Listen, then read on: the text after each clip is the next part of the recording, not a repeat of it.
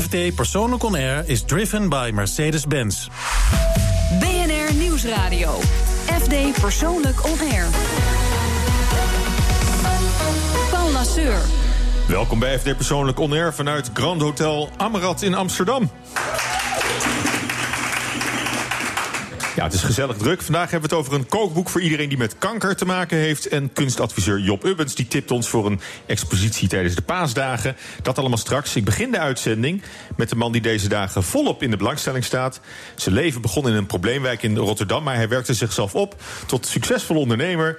En hij verdiende een flink vermogen door de handel in vliegtuigetuietjes met van die inklapbare tandenborsteltjes en slaapmaskertjes. Uh, hij maakte daarna naam als kunstverzamelaar en schreef nu een boek om volgens hem de volgens hem hypocriete kunstwereld een beetje bloot te leggen. Hartelijk welkom, Bert Kreuk. Ja, goedemorgen, dankjewel. Ja, goed dat je er bent. Een beetje een enerverende week ook. Ja, het is heel erg druk geweest. Ja, iedereen is uh, geïnteresseerd in het verhaal. Ja, ik heb je boek hier liggen, Art Flipper. Ja. Het ziet, ziet, er ook prachtig uit. Het is, een, is een mooi boek. Gefeliciteerd. Dankjewel. Met het, ja. Dankjewel. En het is een uh, autobiografie, hè, die je hebt ja, geschreven. Ja, het is een autobiografie. Uh, want ik, ik, leg uit waarom ik aan het kunstverzamelen ben geslagen. En uiteindelijk um, ja, leg ik uit bepaalde dingen die in de kunstwereld uh, zoal niet gebeuren. Ja, Wa waarom wilde je dit boek schrijven? Nou, ik denk dat het idee is ontstaan tijdens een tentoonstelling in 2013... van een deel van mijn collectie in het gemeentemuseum. Ik werd toen benaderd uh, actief door een zestal, zevental um, galerieën... die uh, mij uh, ja, voorstellen deden om hun kunstenaars te tonen. En daar was ik ontzettend verbaasd over. Dus daarvoor had ik al wat incidenten meegemaakt. En ik dacht, nou, dat zijn incidenten. Maar dat bleek dus niet zo. Het bleek meer een patroon. En uh, ja, daar deed deze voorstellen om mij geld te betalen om een kunstenaar te tonen. En ik dacht van ja, misschien moet ik daar eens een boek over schrijven. Ja, dus jouw ervaringen in de kunstwereld. Dat is eigenlijk de belangrijkste drive geweest om dit boek, Klopt, ja, ja. dat dit boek er moest komen. Ja, het, nou ja ik, ik zei het al, hier ligt, hier ligt het boek. Op de cover een afbeelding van de D-Day-vlag... die jij vorig jaar naar Nederland uh, haalde. Ja. Met veel uh, militair ceremonieel werd die overhandigd. Ja, dat... Uh... Ja, wat, wat, wat, wat is het verhaal achter die vlag? Nou, het verhaal achter die vlag is dat het de eerste vlag is die, uh, die aankwam op D-Day. Uh, op een van de leidende boten. En uh, 70 jaar lang is die eigendom geweest van Howard van der Beek. Dat is trouwens een, een, een, een mm. iemand van Nederlandse afkomst. En die is verkocht verleden jaar in een veiling. En ik heb hem, ik heb hem gekocht. En, je, had het winnende bod? Ik had het winnende bod, ja. Wat, wat moest je nou betalen voor die vlag? Het is een gerafeld exemplaar. Het lijkt wel kogelgaten. Ik weet ja, niet klopt, dat, het is oh, dat, ja. dat, dat zijn het ook, maar... Uh... Ja, een half miljoen. Half miljoen? Ja. Dat valt er nog mee misschien wel. Ja, nou ja, als je dat inderdaad... Uh, de, want, want, als, je, als je hoort uh, hoe die werd binnengedragen... Dames en heren, de D-Day-vlag zal thans worden uitgevouwen op de tafel. En na de aansluitende toespraak door de minister van Defensie... zal deze de vlag overhandigen aan de directeur van het Nationaal Militair Museum. It is a great honor to receive this flag today. Ja hoor, komt een tromgeroffel op. Ja, veteranen erbij, tranen ja. waarschijnlijk. Dat was heel emotioneel ook. Het was heel emotioneel, maar het was ook heel bijzonder. Want het was de eerste keer dat uh, Amerikaanse soldaten ook uh, van de 82nd Airborne aanwezig waren. En dat is vrij uniek, want uh, Amerikaanse soldaten treden niet vaak op in een ceremonie in het buitenland. En dat heeft heel veel, veel voet in de aarde gehad. Maar onze minister Hennis heeft dat heel keurig begeleid. Ja, en waarom moet die vlag met, met dat verhaal op, op de cover van je, van je boek... Nou, maar dat het, heeft dan weer niet zoveel te maken met, met die andere incidenten. Nee, maar het heeft te maken met het feit dat, je, dat ik al twintig jaar verzamel... en op een gegeven moment uh, in de hedendaagse kunstwereld bepaalde dingen meemaakte... die niet oprecht waren. Uh, het heeft dus eigenlijk te maken met het feit van uh, oprechtheid... boven onoprechtheid van de kunstwereld. De vlag dus, staat dus ook... een hele echte en, en oprechte ja, vlag. dus het, het verhaal is oprecht en daar kan je niets aan veranderen. Maar sommige verhalen van de kunstwereld worden gemaakt. En daarom staat er ook een gouden achtergrond af, achter... die een beetje aan het wegvagen is. De klatergoud van de kunstwereld. Ja. En de, ja, de ware betekenis daarbovenop. En hij is ook ingedrukt als zijn... Hij ligt ook werkelijk, daadwerkelijk op. Hè? Het, het, ja, hij heeft relief. Hè? Het is Ja. uh, Ja. heel mooi op het boek uh, verwerkt. Maar het, is, maar het is geen kunstobject. Nee, het is geen kunstobject, maar het is een heel belangrijk historisch document. En uh, als zodanig heeft het ook een emotionele Ja. waarde voor mij. Want het heeft te maken met mijn geschiedenis, mijn familiegeschiedenis, Rotterdam, bombardementen. Maar familie zijn omgekomen. En, en, maar ook de American Dream, denk ja, ik. dat klopt. Ja. Ik, ben, ik heb de American Dream kunnen waarmaken in het land waar zij vandaan kwamen. En uh, de mensen die uh, op die beaches uh, zijn gestorven, hebben waarschijnlijk deze vlag als laatste gezien. En dat is emotioneel. En ik heb mijn dream, droom kunnen waarmaken, zij niet. En zij kwamen uit dat land. En dat is een toch wel heel bijzonder moment. Ja. Maar, maar dat is dan ook uh, uh, wat, wat, je bent van, van na de oorlog. En, en toch, Ja. toch voel je je daar heel erg mee, uh, mee verbonden. Ja, nou, ik heb het verhaal van, uh, van mijn familie natuurlijk heel erg meegekregen. Vanuit, uh, vanuit mijn oom vandaan. En, uh, maar ik ben ook wel een geschiedenisfanaat. Dus uh, ik lees heel veel over de Tweede Wereldoorlog. En ik denk dat het heel belangrijk is dat we beseffen dat wij hier in vrijheid leven. Dankzij de mensen die toen gestorven zijn voor ons. Ja, en die vlag die symboliseert dat eigenlijk als, als geen ander. Klopt, ja. ja. Nou, je verhaal, hè, het boek leest als een, ook wel als een avonturenroman. Hè? Een, beetje, een Ja. beetje een schelmenroman bijna. Wanneer beseft je nou dat, je dat jouw levensverhaal ook best wel een apart verhaal is? Niet alleen die akkefietjes in de kunstwereld, maar, maar ook gewoon hoe je, hoe je opgroeit in Rotterdam. En het, uiteindelijk tot heel succesvol ondernemers schopt. Ja, nou, het punt is, eh, dat begon denk ik al op mijn zestiende. Toen uh, heb ik dankzij mijn oom uh, de mogelijkheid gehad om, uh, om vliegenier te worden. Ik was dus eigenlijk al een. Ik, ik vloog al in een vliegtuig voordat ik op een brommer zat. En dan, ja, dan heb je al iets bijzonders natuurlijk, maak je mee. O, oom Vliegenier, ik zit even aan, aan Dick Bruna te denken. Met, Ja. met die had ook zo. Maar ja, dan, ja, dat is een bijzonder. En uh, ja, me, ik, ik ben heel vroeg in de zaken in, uh, inge, ondergedompeld. Uh, mijn oom heeft me altijd laten meeluisteren op telefoons, bijvoorbeeld met die horentjes. En overhoorde me daarna en vroeg me dan van wat bedoel ik hier en wat doe ik daar. En ja, al, het, al het vliegersjargon, zeg ja, maar. vliegersjargon, maar ook het zakelijke jargon. En okay, hoe zou ik ja. zaken doen. Dus ja, vanaf mijn achttiende ben ik naar... Ja, nou, op de twintigste ben ik naar Hongkong vertrokken. Ja. Heb ik een fabriek opgezet. En... Maar dus via je oom in, in, in de luchtvaart uh, terechtgekomen. Ja. Alleen aanvankelijk was het, ging het echt het, het vliegen zelf, vliegtuigen. Ja. Dat was het bedrijf ook van je, van je oom? Ja, die had een, eh, een luchtvaartmaatschappij, uh, Holland Airlines. En uh, dat ging uiteindelijk uh, niet goed. Dat heb ik van nabij meegemaakt. En als je dat meemaakt, dan, weet je, dan ken je ook de donkere kanten van, van het zaken doen. En je gaat dan door een heel diep dal. En daarna begonnen we samen met niets. Helemaal niets. En ja, dan, uh, dan moet je echt uh, letterlijk door de modder in, uh, in China en in Amerika om de producten aan de markt te brengen. En uh, ja, dat Ja. zijn de ervaringen die, je- die, die je meemaakt, die je toch wel maken als, als, als zakenman. Ja, en die producten, dat werd dus uh, van die service-etuietjes... Ja. die, die passagiers in vliegtuigen krijgen. Met zo'n kammetje en Ja. zo'n zo'n ingeklapte tandenborsteltje... Slaapmaskertje. Klopt. Prulletjes eigenlijk. Prulletjes, ja. ja. En het is ook bij toeval zijn we aan die prulletjes gekomen. Want het idee was ontstaan op een reis uh, aan eerste klas. Want we kregen een upgrade naar eerste klas naar Amerika. En we kregen zo'n etuietje in ons handen gedouwd. En we gingen eigenlijk naar Amerika om iets te doen in, in de computerbusiness. En uh, maar ja, daar is, is het idee ontstaan aan boord. En uh, we zaten te rekenen en dachten van... ja, er moet toch wel heel wat van deze etuietjes omgaan in de, in de wereld. We zaten mis, we dachten dat er een paar miljoen waren... maar het bleken er 100 miljoen te zijn. Dus uh, we dachten van ja, als we nou een paar procent van deze kietjes kunnen krijgen... Klein stukje van die taart meepakken. Ja, meepakken, dan zitten we Ja. goed. Ja, en het effect op passagiers is, is waanzinnig, hè, voor wat het eigenlijk maar kost. Ja, eh, precies. Ja, ja. En, ja, ze kosten ook niet veel, maar het gaat om de aantallen. Ja. En uh, ja, we hebben op een gegeven moment uh, had ik uh, in Amerika bijna de hele markt te pakken. En ja, dat, dat kon je op dat moment niet bedenken.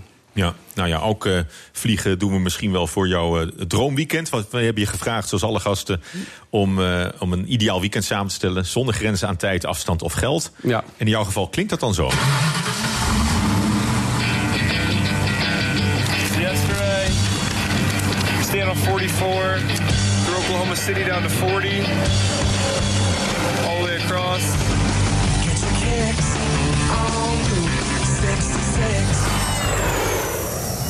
We heard that Peru is a beautiful country, but we never expected it to be a traveler's paradise.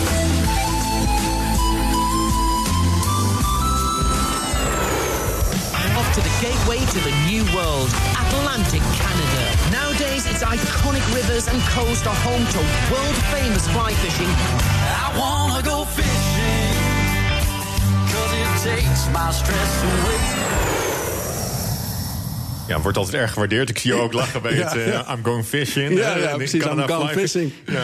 Maar Ja. het zegt, uh, we hebben je bucketlist een beetje afgestreept hè, met dit Ja. uh, droomweekend. Ja, nou, ik, ja, ik had natuurlijk al heel veel van mijn bucketlist afgestreept. Uh, maar dit waren dingen die ik nog, uh, nog niet gedaan heb. Uh, dat is het bezoeken van Noord-Peru. Eh, de oude opgraving van de Inca's daar. Eh, het Route 66 helemaal volledig uit te rijden. Ja, heb ik ook wel, stuk- wel in een Cadillac dan, hè? Ja, wel in de Cadillac. Ja, een open, hè? Een open Cadillac. Een roze ook ja, nog, niet? ja, nee, geen roze, nee, nee. Maar eh, ben ik ook nog gedeeltes gereden, eh, maar niet volledig. Ja. En, eh, ja, en flyvissen in, eh, in Canada of in Alaska. Ja. Lekker rustig eh, van alles vandaan. Ja, maar dan niet met een, met een camper, die Route 66, maar dan echt, eh, echt in zo'n sloep. Ja, in zo'n sloep, ja. in zo'n ja, sloep wil je ja. dat, eh, dat rijden. Ja, goed. Maar hoe, hoe ziet je leven eruit? Want je, je kunt ook zeggen, hè, nu, je, nu je wat minder op dat, op dat verzamelen zit... eh, je hebt, je hebt natuurlijk een vermogen verdiend met, je, met, met, het, met de verkoop van je bedrijf. Is het, is het meer dan alleen maar die bucketlist nog afstrepen? Nou ja, ik, ben, eh, ik heb een passie voor eh, verzamelen. En die, eh, die ben ik langzaam aan het hervinden eh, voor wat betreft de hedendaagse kunst. Maar ik verzamel nog wel heel veel eh, impressionistische kunst en, eh, en naoorlogse kunst. En daar ben ik, eh, ben ik wel best mee bezig. Dus ik ben heel vaak bezig naar, eh, bezoeken, om bezoeken te doen naar musea, eh, galleries. En eh, ja, dat is een passie van mij en daar blijf ik mee bezig. Ja, en die andere dingen, want heel veel dingen had je al gedaan van, Ja. van die bucketlist... maar dat is, daar, daar kom je wel aan toe. Daar kom ik Je- naartoe, je, je, absoluut. geniet, je geniet wel van het ja, leven. ik geniet van het leven. Ik, ik, ik heb een prima leven. En, ehm, en ja, omdat je toch financieel onafhankelijk bent... ben je in gelukkige omstandigheid om, eh, om dingen te doen... eh, die voor anderen misschien niet mogelijk zijn. Eh, en ja, dus dat ben ik, ik ja, ben die bucketlist redelijk aan het afwerken. Ja, en de, en, maar dus ook nog aan het, of eigenlijk weer aan het, aan het verzamelen gegaan. Ja. Wat is nou jouw hoofdregel, als je één regel moet noemen bij het, bij het verzamelen? Wat, wat voor verzamelaar ben jij? Eh, nou, ik verzamel eh, hoofdzakelijk eh, bepaalde kunststromingen. Dus ik vind dat elke kunststroming zijn wortels heeft in de vorige kunststroming. Dus dat vind ik interessant. En omdat ik autodidact ben, volg ik die kunststroming op. Ik ben ook zeg maar via het impressionisme naar de hedendaagse kunst... naar de emerging, hè, de contemporary kunst gekomen.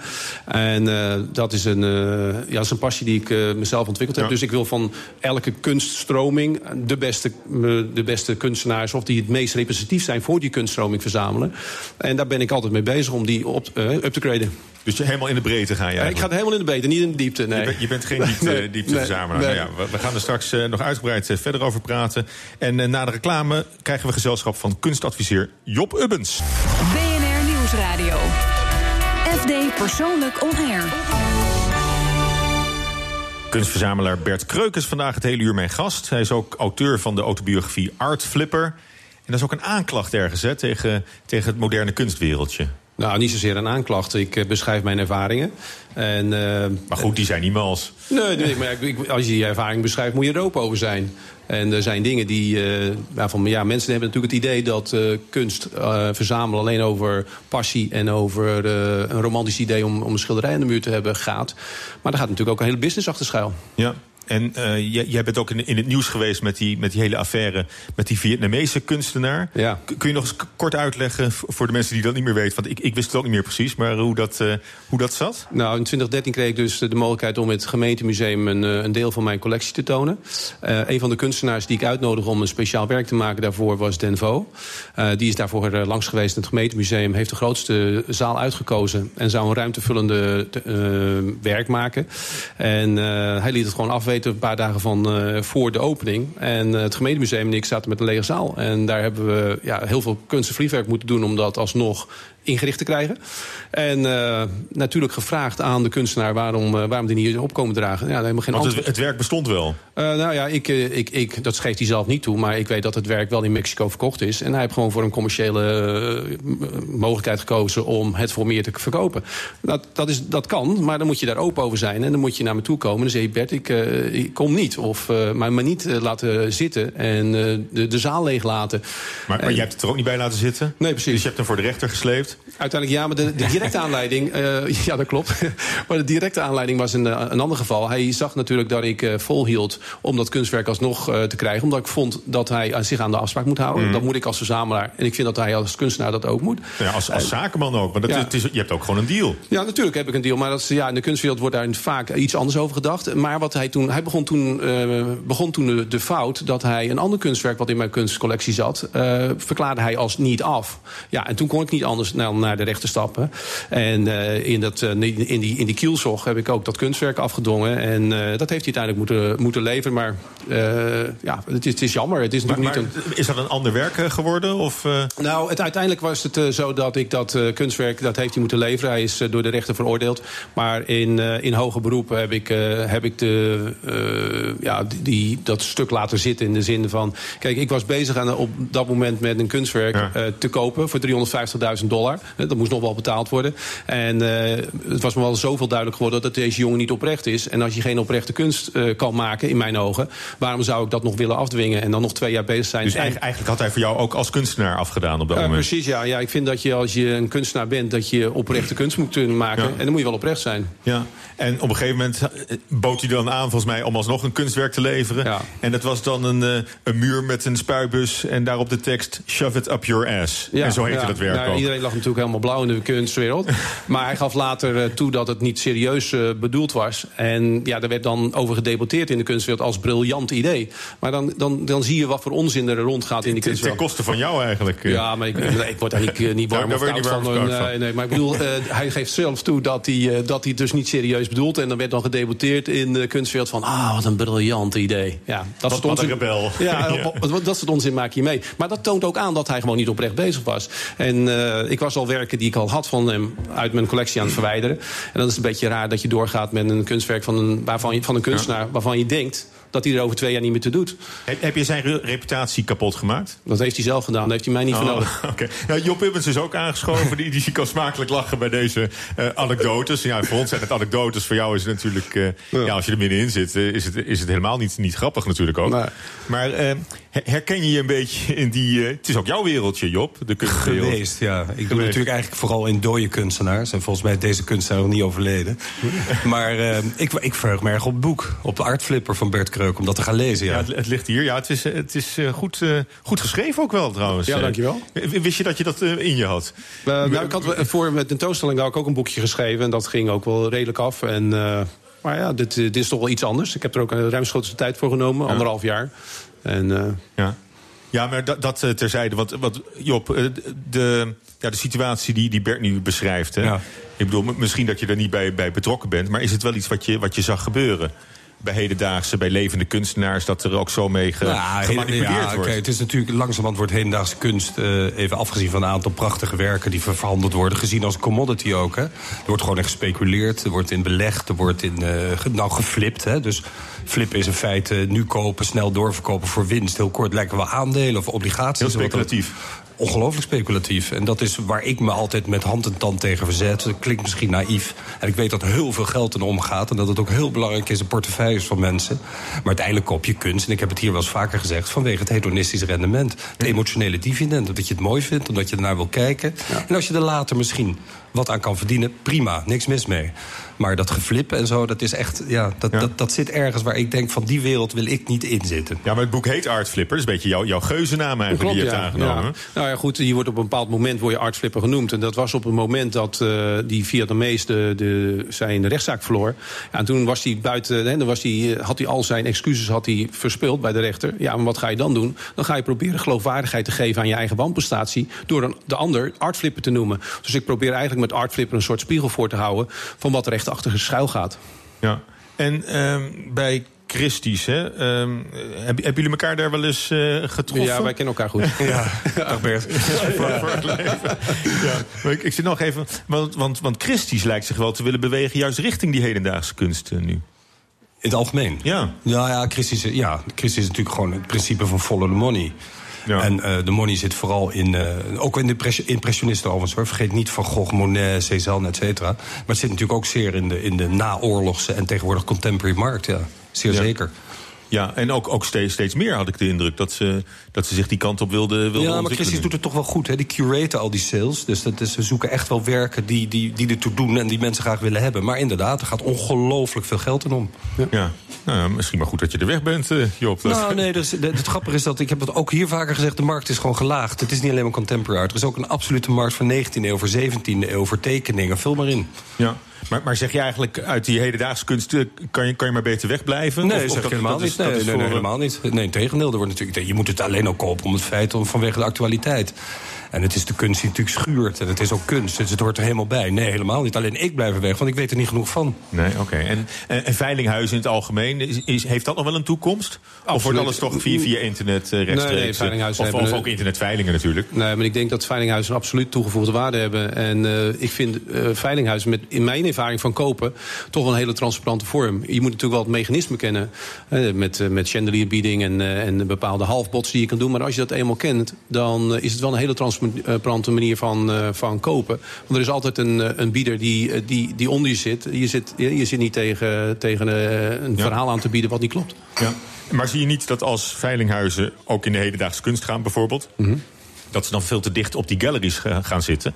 Want dan zitten ze wel in elkaar zwaarwater eigenlijk. Dat, dat gebeurt wel meer, maar eh, ik zie dat niet. eh, dat, me- ik denk dat, we, dat ze elkaar een toegevoegde waarde hebben. Niet zozeer dat ze elkaar beconcurreren. Eh, dat ziet de gallery wel vaak eh, wel zo. Hè, dat die zien dat als Ja, die voelen zich bedreigd, ja. Die voelen zich bedreigd. Maar ja, ik denk dat ze, dat ze niet moeten vasthouden aan een businessmodel... als ze vinden dat dat niet werkt. Dan moet je je businessmodel aanpa- aanpassen.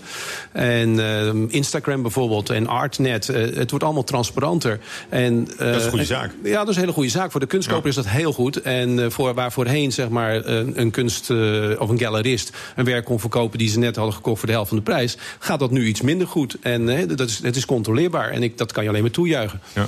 Ben ik mee eens hoor trouwens. Ja? Ja, de veiling is, is, is, is een benchmark. Hè. Dat moet altijd blijven bestaan. want Het is een van de eikpunten in de markt. Naast beurzen, naast galeries.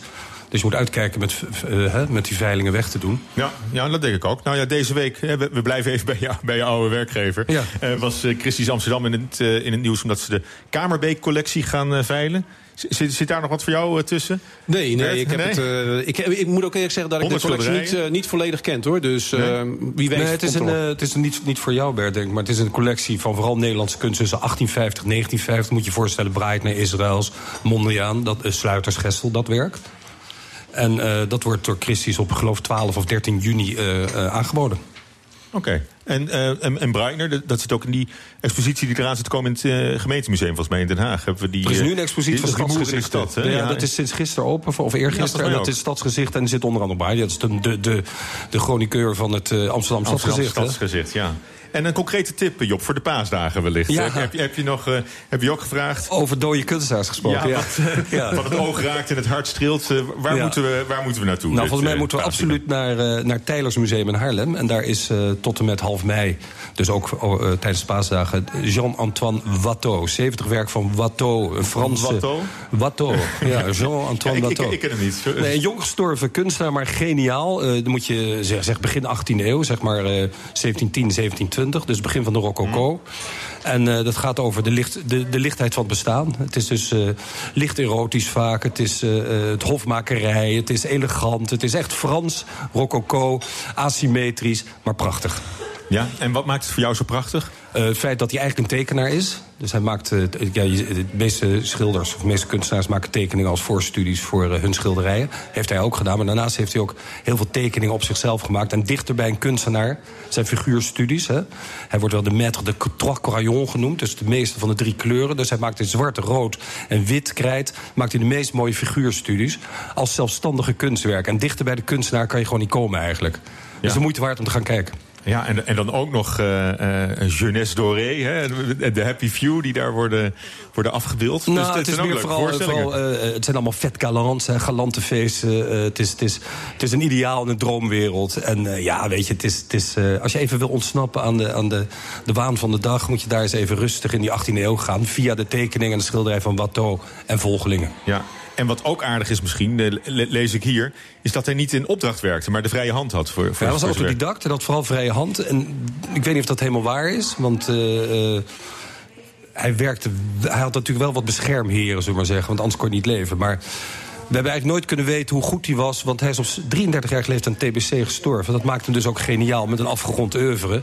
Hij schijnt heel veel tekeningen vernietigd te hebben ook. Dus ehm, ik denk niet dat iemand in het begin van de 18e eeuw zonder opdrachtgever werkte. Maar hij was wel een, een vrij geest. Ah ja, nou ja. Dan een andere expositie, veel besproken... is die van Damien Hirst in Venetië. Ja. Ik las Mo- het. mo- Moeten we daar naartoe? Ja, ik, ik denk zelf, maar dat is mijn mening... maar dat, misschien weet Bert daar meer van, die zit meer in die markt... maar Ja, ik denk, mijn mening is dat Damien Hirst, net zoals Jeff Koons... en zijn belangrijke kunstenaars van dit moment... ik vind het eerder geniale marketeers trouwens... Eh, ik weet niet of ze over 100 jaar grote veel bladzijden... in de kunstgeschiedenis zullen gaan krijgen... behalve dan als geniale marketeers binnen de kunstwereld. Ehm, ik En, moet, en moet zeg, kijken, want en het is van dat, nu. Het zeg is je van dat nu. omdat ze er zo rijk van zijn geworden? Nee, helemaal niet. Nee, dat kan me niet zoveel schelen. Maar ik zeg het gewoon omdat het, dat het heel erg passend is voor de tijd nu, hè, wat ze doen. Dus een soort, eh, eh, wat is het, een soort retro pop art vaak. Ja. En ik vind het geweldig wat hij allemaal bedenkt, maar het is wel conceptueel in feite. Hè. Het is, het is, eh, Nou ja, deze je die tentoonstelling in, extreme die, eh, mate. Ja, want ja. Hij, hij heeft zelfs filmpjes gemaakt... waarbij ze de, de kunstwerken optakelen uit zee. En dan zijn ze helemaal overwoekerd zogenaamd met, Nou, ik eh, vind met het een beetje mosselen. Spielberg meets Disneyland. Weet je, je moet Ja. ervoor uitkijken, vind ik hoor, persoonlijk. Nou, ik ben het met je eens. Ik, eh, Maar ik- je, je, je hebt wel een Damien Hirst in je collectie. Ja, ik heb Damien, gehad. Nee, nee, ik heb nog steeds. Nog steeds, ja. ja. Nee, ik heb Damien Hirst in mijn collectie. Maar ik denk dat Damien Hirst eh, vooral briljant was in de jaren, ze- of in de jaren 90. En al zijn beste werken zijn uit de jaren 90. En eh, ja, daarna is hij denk ik vooral bezig geweest om de markt vol te pompen met, eh, met kunst. Omdat er vraag naar is. En niet omdat hij echt vernieuwend bezig was. Hij is een populist. Hij is een populist, ja. En, eh, maar kijk, het was natuurlijk een briljant. Hij was behoorde bij de groep van de, de YBA's, de Young British Art Artist. Uh, groot gemaakt door Saatchi trouwens, die ook in zijn tijd Artflipper werd eh, bestempeld. En, ehm, maar goed, kijk, hij had gewoon moeten stoppen. Volgens mij hoor, dat is mijn persoonlijke mening. Damien Hirst had gewoon in twee jaar 2000 moeten stoppen en op de beats moeten gaan leggen. Ja. Nou, oké. Nou ja, maar dat, dat, eh, dat waren ook, waren ook de, de reacties naar, naar aanleiding van deze tentoonstelling weer. Ook in de Britse pers. Hè. Keeper de hele boel maar in zee. En, da- en dat soort dingen wordt er Ja, ik las het ja, het is ongelooflijk. Ja. Dus het, is, eh, nou ja, het, het, het, het zorgt wel voor heftige reacties. Ja, dus reuring, misschien is dat ook wel Ja, wat, eh, dat is ook denk ik wat ook de, moet dus- doen. ja, dat is denk ik ook zijn, eh, zijn eh, eh, ding wat hij uit wil lokken. Ja, effectbejag, hè? Ja. Als, je, als je niet uitkijkt. Nou, dan, dan toch liever Watto in Haarlem. Ja, wat Toos gevestigde kunstenaar. Damien Hirst leeft nog, hè? Dus, eh, Ja. Oké, nou dan gaan we daar weer naartoe. Dankjewel, Job Ubbens van Ubbens Art. En straks praat ik verder met kunstverzamelaar en auteur van het boek Art Flipper, Bert Kreuk. En Odette Schoneberg schuift aan over haar net uitgebrachte kookboek voor iedereen die met kanker te maken heeft. Tot straks. BNR Nieuwsradio. FD Persoonlijk On Air. Paul Lasseur. Mijn gast vandaag is ex-ondernemer en kunstverzamelaar Bert Kreuk. Ook een nieuw gezicht aan tafel, Odette Schoneberg. Ze is oprichter en eigenaar van PR-bureau SoPR. Maar ze is hier te gast omdat ze deze week een zeer persoonlijk kookboek lanceerde. Ligt hier ook op tafel. Bovenop eh, Art Flipper van eh, Bert Kreuk, die, die hier ook nog, eh, nog altijd staat. Voor iedereen die met kanker te maken heeft gehad of heeft. A Spoonful of Love heet het boek, ook een mooie titel. Hartelijk welkom, Odette. Dank je. Ja, donderdag was de lancering van het, Ja. van het boek. Hele happening. Ja, absoluut.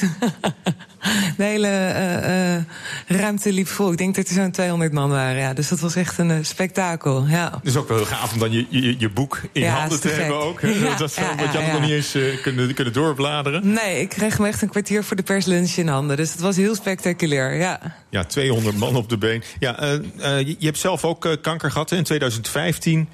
En, en drie soorten tegelijk. Ja, drie soorten tegelijk. Dus, dus je, was, je was eh, vies aan de beurt, kunnen, Ja. we, wel, eh, kunnen we wel zeggen. Eh, hoe gaat het nu met je? Het gaat hartstikke goed. Ja, Ja? Nee, dat, ik voel me, ik voel me super. Ja. Ja, nou gelukkig maar. Dit eh, kookboek komt, eh, komt voort uit je, uit je eigen ervaringen, uit, uit, die, eh, uit die moeilijke tijd voor, voor jou. Wa- waarom wilde je dit boek maken?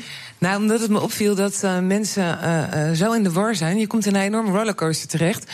En met alle behandelingen en dingen en emoties die je hebt, vergeet je goed te eten. Maar jij niet. Eh, nee, ik niet. ik ben een enorme foodie, dus ik vond dat super belangrijk. En dacht alleen maar: eten is brandstof, eten is brandstof. Ja, En je was al een foodie eigenlijk, ja. voor, voor je ja ziek werd ik waarschijnlijk. Ja, ja, dat klopt. Maar je, je, je bleef eigenlijk bezig met, eh, met eten, lekkere dingen voor jezelf Nou, ik dacht- maken. En, Ik kreeg zoveel chemo's. Ik, ik ben natuurlijk behandeld voor drie soorten kanker. Dus je krijgt zo ontzettend veel behandelingen. Ik dacht, als ik maar goed blijf eten, dan blijf ik dat liggen met hele goede dingen voeden. En dan, ja, dan kan het misschien wat meer handelen. En dat bleek ook zo te zijn, ja. ja, en dat, en, en dat, dat werkte voor, voor jou? Of heb je het idee dat je, dat je ook eh, superfoods hebt ontdekt... Die, die, die, die Nou. helpen tegen de kanker te vechten? Of is, Nou. is het meer een belevingsverhaal? Nee, het is, het is vooral dat je tijdens die behandelingen. Ik zeg, er, er bestaat niet iets als eh, eten wat eh, kanker weg kan halen. Omdat iedere kanker is uniek. Dus dat zou helemaal niet eens kunnen. Maar wat wel kan, is je lichaam zo goed mogelijk voorzien van essentiële mm, vitamine, mineralen, et cetera. En zorgen dat je, als je behandelingen hebt of ziek bent, je immuunsysteem in ieder geval op peil weet te houden en weet te boosten. Alles wat je eraan kan doen, Ja, moet, moet je, doen. moet je niet nalaten. En dat bleef ook niet onopgemerkt, hè? Dus, Nee. Dus in, in, in, ziekenhuis eh Nou, zijn ze ook van... God, wat eet je eigenlijk? Dat, Ja, eh, het begon echt met eh, mijn eh, oncoloog die eh, me in mijn arm kneep en zei... eh, ik weet niet wat je doet, maar blijf eten zoals je eet. Want ze mogen natuurlijk niet echt iets zeggen. Maar bij vitamine, mineralen en eh, alles wat belangrijk was... bleef echt zo op peil. Ja. Ja, en dat is, dat is nu allemaal in dat, in dat boek terechtgekomen? Of, Ja. of, of, of ook wel nog wel andere ja, gerechten? ook andere dingen. Want ik bedoel, er zijn heel veel mensen die wondjes in hun mond hebben. Nou, daar hebben we rekening mee gehouden. Mensen die ineens heel erg trek hebben in zurige smaakjes of in zoetige smaakjes. Mensen die suiker echt heel vies vinden. eh, geen zout mogen. Overal is rekening mee gehouden, ja. Ja, want als je chemobehandelingen ondergaat... dan, dan, dan verandert eigenlijk de hele manier waarop je eten eh, smaakt. En, Ja. eh, en, en eh, wat je zegt, ook wondjes in de mond misschien wel. Dat, Ja. Ja, ik had zelfs de dagen dat granaatappeltjes naar lever smaakten. Granaatappelpitjes, ja. ah. Dus dat soort gekke dingen je bent geen liefhebber van lever. Eh, nou, dat is een beetje raar, toch? het, is, het is wel raar, maar, maar, maar dat zal misschien ook voor iedereen anders zijn. ja, toch? dat is voor iedereen anders. Die smaakbeleving. Ja. Maar ehm, had je wel de energie om te blijven, te blijven koken en met eten bezig te zijn? Nee. En, en, en daar heb je ook geen zin in, volgens mij. Je bent- je Nee, maar daarom heb ik het boek van- gemaakt. Omdat je gewoon, ik ben negen maanden lang een soort van eh, half van huis gekluisterd geweest. Wel in bewegingen, wel wandelen, et cetera. Maar je hebt geen energie. En je moet andere mensen voor je laten koken. En dan wordt het Ah. lastig. Dus je hebt andere mensen deze, deze lekkere gerechten. Ja, toen dacht ik, oh, had ik nou alles maar opgeschreven... dan, wist ik, dan kon ik ze uitleggen hoe ze het moesten maken. Want in die keuken staan, daar kan je hartstikke misselijk van worden. Dus hoe doe ik dit? Ja. Dus dat was ook een reden om het te maken, ja. Ja. Nou ja, het, eh, maar het, het ziet er ook heel mooi uit. Er zijn ook hele mooie, mooie foto's in het, in het boek van al die gerechten die jij hebt, eh, hebt gemaakt. Ehm, ja, hoe. ehm, eh, de, de voedselvoorlichting hè, voor kankerpatiënten. Da- Daar, kun je ook, daar is ook nog wel wat eh, op. eh, want ik neem aan dat als je, eh, als, je, als je weer naar huis gaat na een behandeling... dat ze dan zeggen van nou, eet, eet maar lekker veel sinaasappels de komende Ja, tijd. nee, of je moet aankomen en dan krijg je gewoon altijd het eh, devies om overal slagroom in te gooien. Ja. Oh, Ja. dus, oh, dat nee, dus dat is echt heel erg interessant. Je zei net wat over die foto's. En dat is misschien wel een leuke anekdote. Die foto's zijn echt heel bewust zoals ze zijn. Omdat hele lekkere foto's zijn. Ja, ik wilde ook dat mensen al. Stel je voor dat je in je bed ligt en je, je wil naar Frankrijk of Italië, dat je weg kan dromen. Ja, dus dat, dat zit er ook allemaal in. Dat je, dat je gewoon echt een genietmoment hebt. Want soms moet je eten met je ogen. Ja, en als je kijkt naar ziekenhuizen, dan zou ik het liefst de, de Jamie Oliver van de ziekenhuizen zijn. Ja. Want eh, daar krijg je hele. Ja, een, een- gerecht, een foto wordt eigenlijk een, een, een mini-vakantie voor. ja, dat eh, wil ik heel graag eh, bieden aan iedereen dat is die dat wat je, even wat je niet echt kon. wilde, ja. wilde bereiken. Zo- Zo'n mini-vakantie. Even, even er helemaal uit. Ja. Want, en, en helpt dat je ook, ik neem haast aan van wel, maar om, om je, je ellende even te, te vergeten, even Nee, ik noem Wat- dat kankervrije je- dagen. kankervrije dagen. wat je- Ja, wat- het waren dag momenten dat je er niet mee bezig hoeft te zijn. Het hoeft geen hele dag te zijn, maar je bent zo met die rollercoaster bezig. En iedereen in je omgeving ook.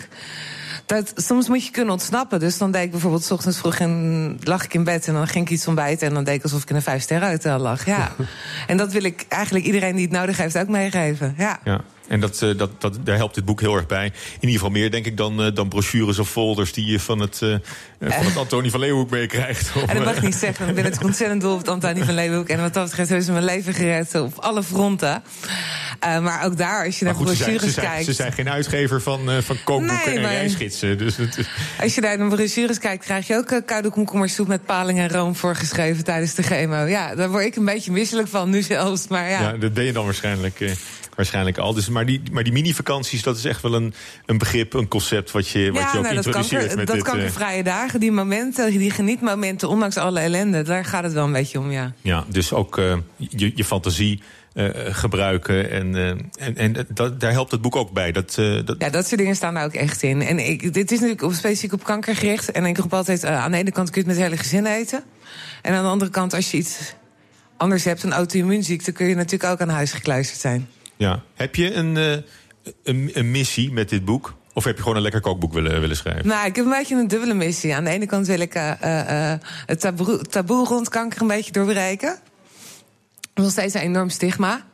Ik ehm, krijg vaak te horen van ja, er staat kanker op de cover, dus dat is wel een beetje een ding. Ja.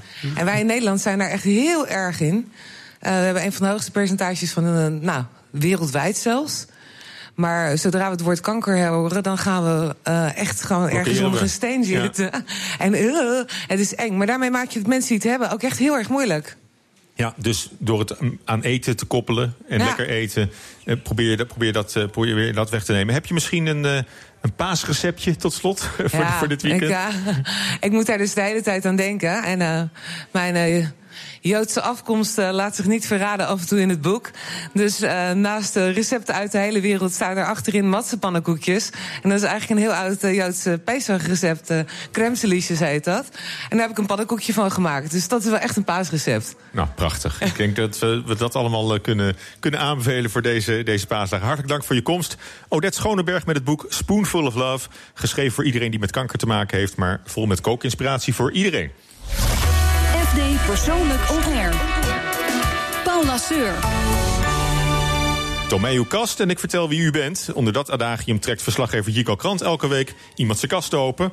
En deze week is dat de kast van politicus en bestuursvoorzitter van TNO, Paul de Krom. Goedemorgen. Paul de Krom in zijn eigen habitat. Zo is het. Kom binnen. Dank u wel. Leuk dat je er bent. Ik nam graag een kijkje in uw kast. Welke kast? Dat is een goede vraag. Kijk, ik heb hier een dobbelsteen. Neem Ja. die ter hand. Ja. Dan hebben we dus zes kasten nodig. Nou, die hebben we vast wel. En die moet ik dan opgooien, neem ik aan. Dan gaat de dobbelsteen bepalen voor welke dobbelsteen- kast we gaan staan. Ik zie daar een boekenkast. Dat is in ieder geval een boekenkast. Op één. Op één. Wat is dat voor een mooie kast? Dat is de servieskast. Op twee. Ja. Hier zie ik een mooie antieke kast. Ja, dat is een schrijftafel met computer.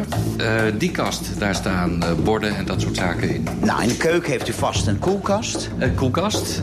Eh, dat is nog een klein kastje met allerlei troep. Dan hebben we er zes. Dan hebben we er al bijna zes, Nou. volgens mij. Gooien? Ga uw gang. Vier. Dat was deze kast. Die kast. De kast met de borden. Nou, dan, eh, dan gaan we daar een kijkje nemen. Het is een antiek kastje van de familie van mijn vrouw. En wij gebruiken hem voor, nou, u ziet het, borden, tafelkleden, eh, servetten, dat soort zaken. Ja, wat kunnen we daar nou over vertellen? Ik zie ook uw paspoort. Tenminste, een paspoort erop. Ja, dat is niet mijn paspoort. Dat is het paspoort van mijn jongste zoon. Die ambieert een professionele tenniscarrière. Hij is nu 18. En hij reist veel eh, naar internationale toernooien. Hij is net terug uit Egypte. En vandaar dat het paspoort hier eigenlijk voor het grijpen ligt. Dat hij elke keer snel weg kan. Wat bijzonder. Dat is een heel andere carrière dan zijn vader heeft doorlopen. Ja, maar dat is toch ook leuk? Dat kinderen andere dingen doen dan jezelf. Heeft hij al een ranking op de ATP? Ja, hij zei laatst tegen mij, pap, ik sta nu 1300. Hij zei, jongen, dat is hartstikke mooi. Dan heb je nog 1299 te gaan. Dus, eh, maar het is zwaar werken, maar hij gaat er helemaal voor. Heeft hij dat talent nou van u of van uw vrouw? Eh, nee, dat heeft hij van mij, ja. Ja. Ja, u bent een goede sporter ook? Eh, ja, vroeger wel. Ik nu niet zo heel veel tijd meer. Maar ik ben zelf altijd heel fanatiek tennisser geweest. Doe ik nog steeds. Ik speel nog steeds competitie. Dus toch een beetje in de voetsporen van zijn vader? Ja, nou ja, hij moet zijn eigen weg zien te kiezen. En dat doet hij ook. En daarom vind ik het ook zo leuk wat hij doet. Ja, in de kast zien we voornamelijk borden, tafelkleden. Wat is dit? Het is een, een soort tafelkleed. Een plastic Dat is een tafelkleed met tafelkleed. opdruk. Ja, en die opdruk, dat is een foto van Dubai. Daar hebben we gewoond, eind jaren 90. En het is van plastic, omdat we dat daar ook gebruikten. En daar is het enorm vochtig. Dus daar kun je geen eh katoenen tafelkleden gebruiken buiten. Dus vandaar dat plastic. Woonde u Ja. ook in een van de gebouwen hier op dit tafelkleed? Nee, nee, we hadden een eh, huis eh, in een buitenwijk eh, in Jumeirah. Heeft u wat met de Arabische wereld? We hebben daar wel met heel veel plezier gewoond, moet ik zeggen. Ik heb ook heel veel gereisd daar. Ik werkte toen bij Shell. Dus dat hele Arabische schiereiland, maar ook India, Pakistan, heel veel gezien. En het meest fascinerende land waar ik ooit ben geweest was Jemen. Ik ben vooral dan in de hoofdstad geweest, Sanaa heet het. Met een, een, een muur eromheen, om, om de binnenstad uit het Ottomaanse Rijk nog. Ja, en dan is het net of je 2000 jaar terug de tijd inwandelt. Met ja, een hele mystieke soek, eh, met de kruiden, specerijen. En dan ben je ook de enige blanke die daar rondloopt in die tijd.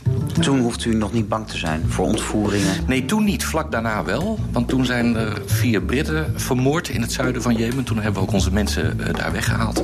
En sindsdien ben ik er ook nooit meer geweest. Wat echt ontzettend jammer is. Want het is een fantastisch land. En nu hongersnood daar? Ja, dan kijk je dat toch met tranen in je ogen naar, moet ik zeggen.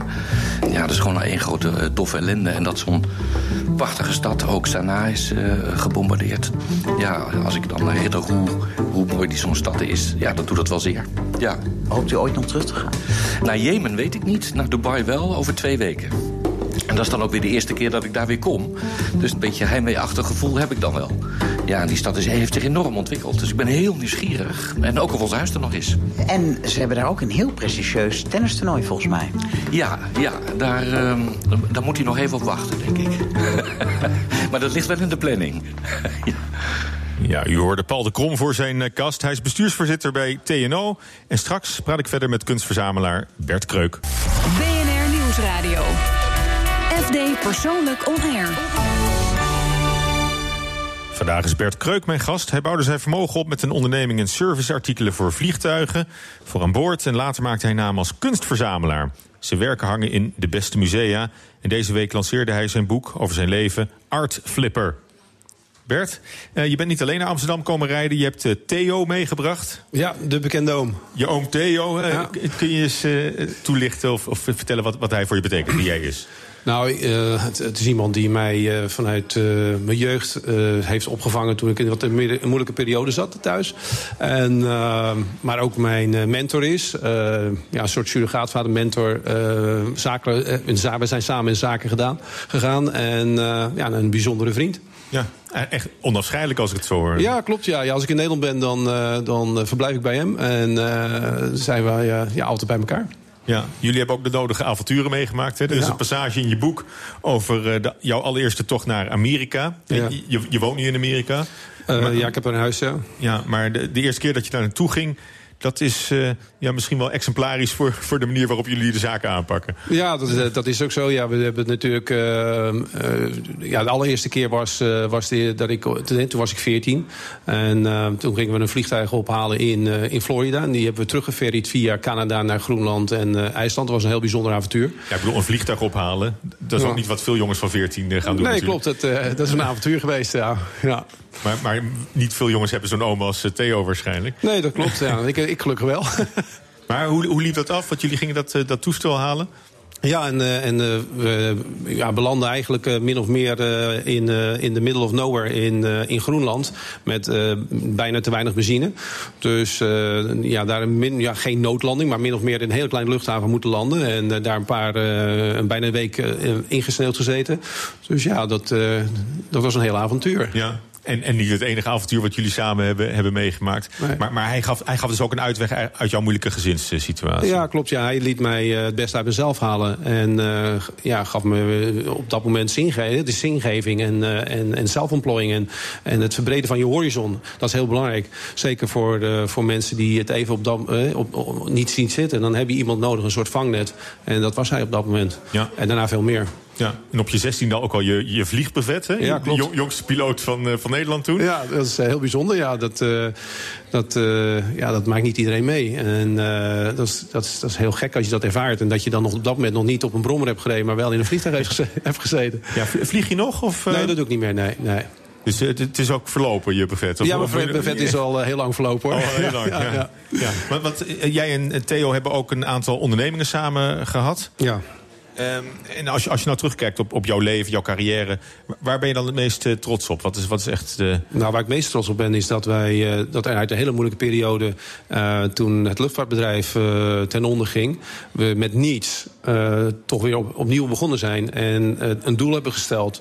En dat uh, dat doel achterna zijn gegaan. En niet hebben losgelaten. En dat we besloten hebben op dat moment dat wij niet nog een keer wilden meemaken wat we mee hadden gemaakt. En dat is gelukkig nooit meer gebeurd. Maar dat vergt een heel veel inzet en heel veel drive. En ja, twintig jaar lang echt uh, pegelen. Dus echt bezig zijn met alleen maar je onderneming. En alleen maar zorgen dat je, dat het, dat je probeert de beste te zijn. Ja. En, en dat, dat werd dus die onderneming in, uh, in serviceartikelen, voor in die ja. etuietjes Ja. aan boord. Ja. Uh, die, dat bedrijf heb je op een gegeven moment heel goed, goed kunnen verkopen. Nou, ik heb, uh, er waren twee fases. Ik uh, was in 2001 bezig om het bedrijf te verkopen. En uh, toen verbleef ik in Amerika. En toen landde George Bush in de stad waar ik woonde, in Sarasota. En de volgende dag vlogen de, de twee vliegtuigen in de Twin Towers. Dus het bedrijf waar ik het aan, op dat moment aan verkocht was luchtvaart gerelateerd ook. En zijn Mhm. aandelen die, die gingen onderuit. En was niet meer in staat om het bedrijf te kopen. Uiteindelijk heb ik het in 2007 wel kunnen verkopen. Ja, en, dat, uh, en, en daarmee ben je financieel onafhankelijk uh, geworden. Ja, dat kun je zeggen. Ja, en daarmee kan je iets actiever in je hobby van uh, kunst gaan. Ja, een hobby is een beetje een understatement, denk ik. Ja, Om het is, een hobby te noemen. Het, het, nou ja. het is je leven. Ja, dat klopt. Ja, ja, elk diezelfde gedrevenheid in, eh, in kunst verzamelen als ik had in, eh, in de zaken doen. En eh, mijn ambitie is om de beste kunstverzamelaar te of verzameling te hebben. Dat is natuurlijk allemaal subjectief. Wat is de beste kunstverzameling? Maar ja, ik probeer de betere werken van een bepaalde kunststroming te bemachtigen. En dat vergt heel veel tijd. En Ja. daar ben ik mee bezig. Het is ook wel een beetje, een beetje monomaan en fanatiek, hè? Dat je dat ja najaagt, volgens mij. Ja, misschien. op. Nou, maar dus ik denk ook dat ik eh, dat boek ook Art Flipper ook eh, beschreven heb. Ik, ik, je moet het, eh, mijn jeugd kunnen begrijpen om mijn gedrevenheid ook in de kunstwereld te verklaren. Dus dat zit er in mijn hele leven in. Ik heb eigenlijk, ik ben gaan rennen zeg maar op, om, om een twaalfde en naar een bepaald doel en, en ik ren nog. Dus ja, monomaan, ja, gedreven wel, ja. Ja. En, en wat is dat doel dan? Nou, wat, is, wat is het ultieme doel? Waar wil, waar wil je uitkomen? Nou, dus de- of het is natuurlijk de weg ernaartoe is, is belangrijker dan het doel. eh, Dat is ook zo, ja. Het, het is ook de weg. Hè. Het is, eh, er is geen eindbestemming. Je bent altijd bezig om je collectie te verbeteren. Dus eh, wat is het doel? Ja, om, om, om de allerbeste werken van bepaalde stromingen te bemachtigen. Dat is een doel, maar ook om, om vooral gewoon lekker in je vel te zitten... en de dingen te doen die je, die je wil doen. En dat, dat lukt? Dat lukt heel goed, ja. Ja. En, en waar ben je nou echt thuis? Je, je woont in Amerika of, of nu ben je in Nederland? Nou, ik, eh, ik pendel tussen, tussen diverse huizen. Ik eh, ben vaak in Zwitserland, waar ik, eh, in de, waar ik ook een huis heb... en waar ik eh, graag wandel in de bergen. En eh, ja, ik ben, dus, eh, ik ben dus altijd eigenlijk een reizende. Van de, de kunst, als je de kunst achterna gaat, dan, eh, dan is er bijna elke dag wel ergens een, eh, een fair in de wereld. Dus je bent altijd ergens in de wereld waar, eh, waar kunst is. Dus je bent eh, bent altijd op het pad. Ja. En als je het allemaal overnieuw mocht doen, zou je het net zo doen? Ja. Geen, geen, Geen- geen haar op je hoofd. Nou, geen haar op mijn hoofd. Nee, ik wou zeggen, geen, twijfel over mogelijk. Geen ja. twijfel over mogelijk. Ja. Nou, eh, Bert, onze gasten mogen ook altijd een, eh, muzieknummer, een muzieknummer kiezen... wat we dan voor je draaien. Jij koos een nummer met een licht uh, venijnige titel. You Do Not Fool Me. Een kleine knipoog naar de kunstwereld. Van Queen. nou, laten we maar eens gaan luisteren dan.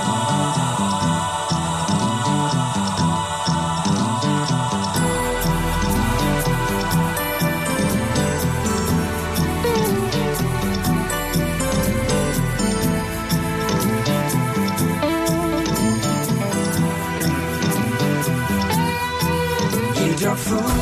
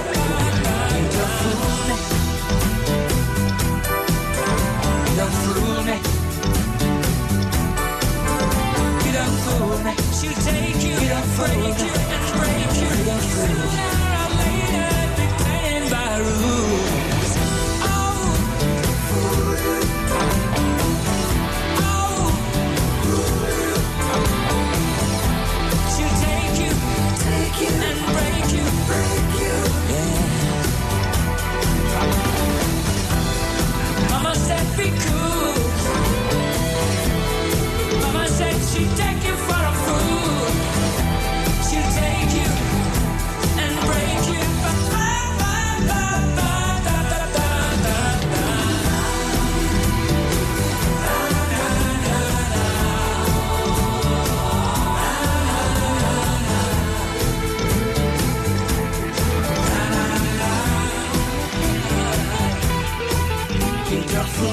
was You Do Not Fool Me van eh, Queen. En mij hou je niet voor de gek. Dat is, dat is eigenlijk wat je wil zeggen, Bert Kreuk. Ja, dat is een kleine knipoog. Ik vind het ook een heel mooi nummer hoor. Maar eh, het is een kleine knipoog. Ja, een kleine knipoog. Want, want ben je eigenlijk, eigenlijk boos op, op de kunstwereld? Nee, absoluut niet. Nee hoor. Ik eh, beschrijf mijn ervaringen. En ehm, ja, op sommige. Het is eigenlijk meer verbaasd. hè. Ik, ik spreek mijn verbazing uit in het boek. Dat, dat meer dan dat ik boos ben. Ik ben niet boos. Ik bedoel, eh, ik weet wel Ja, maar hoe- verbazing. Dus het klinkt net een beetje als... eh, pap- papa is niet boos, papa is verdrietig. Ja, nou Eh, goed. Ik, ik, ik, ik verbaas me over hoe de kunstwereld in elkaar zit. Het, het, is, het is toch een afrekening met, met de kunstwereld. Nou, het is geen afrekening. Kijk, er zullen, er zullen mensen zijn die zich erin herkennen. Maar die zouden zich bij zichzelf te raden moeten gaan waarom ze zich erin herkennen. Maar het is voor mij geen afrekening. Het is, een, eh, het is toch echt het beschrijven van mijn, eh, van mijn ervaringen. Ja. En ehm, wat, wat, wat is in, in één of twee woorden dan jouw, jouw ervaring met, met de kunstwereld? Nou, dat er, eh, dat er heel veel goede galleries zijn. De merendeel is gewoon goed hoor. En, de mensen in de kunstwereld zijn gewoon goed bezig. Maar er is een klein deel. En dat is helaas wel een heel belangrijk deel. Die, die de muziek, eh, of die de toon van de muziek bepalen. En dat, eh, dat vindt vooral in het internationale topsegment plaats. Waar ik heel veel mee te maken heb. En ja, die niet oprecht bezig is. Dat die manipulatief bezig is. Die wachtlijst, schijnwachtlijsten maakt. Om je daarop als kan, verzamelaar te zetten. Om concessies van je te krijgen. Ja, dat is me tegengevallen. En, maar ja, dat gebeurt. Maar dat gebeurt niet overal. Maar wel een, een deel van de kunstwereld die zeg maar, een bepaalde invloed heeft op, die, eh, op alles wat er gebeurt. Ja. Kun je niet zeggen dat, dat de kunstwereld niet ook een beetje, een beetje doet... of dat, dat er aspecten zijn in de kunstwereld... die ook wel doen denken aan, aan hoe je zelf eh, in, het, in het bedrijfsleven opereert? Ja, nou, ik denk dat in het bedrijfsleven meer gereguleerd is dan, eh, dan de kunstwereld. Eh, als je bijvoorbeeld bedenkt dat je, als je iets koopt in de, een auto koopt, dan krijg je nog iets van een contract voorgelegd. Maar als jij een kunstwerk koopt, dan krijg je een factuurtje, hoe- hoeveel miljoen het ook waard is. En dat is je bewijs eh, van eigendom.